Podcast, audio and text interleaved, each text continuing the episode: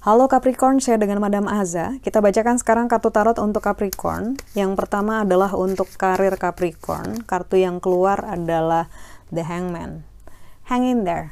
Disarankan dalam hal karir, bisnis, ataupun peruntungan untuk bertahan. Sesusah apa pun bertahan aja dulu, survive aja dulu gitu. Yang penting ngapung ya. Yang penting yang penting bisa hidup aja dulu, bisa survive dulu. Uh, bukan saat yang bagus untuk melawan arus gitu ya, bukan saat yang bagus untuk memaksakan kehendak paling bagus adalah untuk stay alive aja dulu uh, dengan situasi apa pun yang sedang dihadapi ya dimanfaatkan sebesar-besarnya situasinya itu. Sesusah apa pun atau ada hambatan apa pun ada halangan apa pun maximize aja. Tidak ada rotan akar pun jadi. Kurang lebih seperti itu. Lalu untuk percintaan Aquarius Kartu yang diberikan adalah Wheel of Fortune. Perubahan-perubahan yang terjadi ataupun hal-hal yang bikin kamu nggak nyaman atau bikin kamu kok sekarang beda sih? gitu ya, ya itu nggak apa-apa karena that's life gitu. Yang ada di bawah akan naik ke atas dan begitu juga yang di atas pasti akan turun ke bawah. Itu adalah sebuah kepastian. Yang namanya kehidupan itu rodanya nggak pernah tetap nggak pernah statis. Tinggal gimana nih kalau kita lagi di bawah kita tidak tergilas, kita bisa beradaptasi dengan cepat dan kita bisa dapetin yang kita inginkan dengan kita ngatur dari kita sendiri. Sebab kalau misalnya kita ngarepin dari orang gitu ya, untuk bikin kita bahagia, ya repot. Tiap orang kan punya egonya sendiri, termasuk pasangan kita ataupun calon pasangan kita.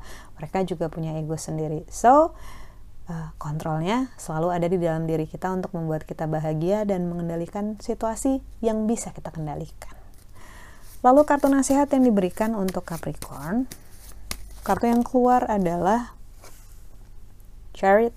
Kartu Chariot ini kereta kemenangan yang walaupun menunjukkan kereta ini adalah kereta kemenangan yang bisa sampai ke garis finish, tapi jalannya ini karena naik kereta otomatis jauh, otomatis ada hambatan, berliku-liku lah, ada kerikil, ada batu gitu ya, hal-hal yang mengganggu. Intinya dari kartu ini bicara tentang keseimbangan harus balance. Segala hal yang dilakukan itu jangan berlebihan di kanan ataupun di kiri atau di belakang apalagi gitu ya. Semuanya kalau bisa harus seimbang. Dan yang paling utama adalah endurance. Jangan ngebut di awal di ujungnya loyo gitu. Jangan yang rasa wah bentar lagi nyampe akhirnya digas terus gitu. Tanpa strategi.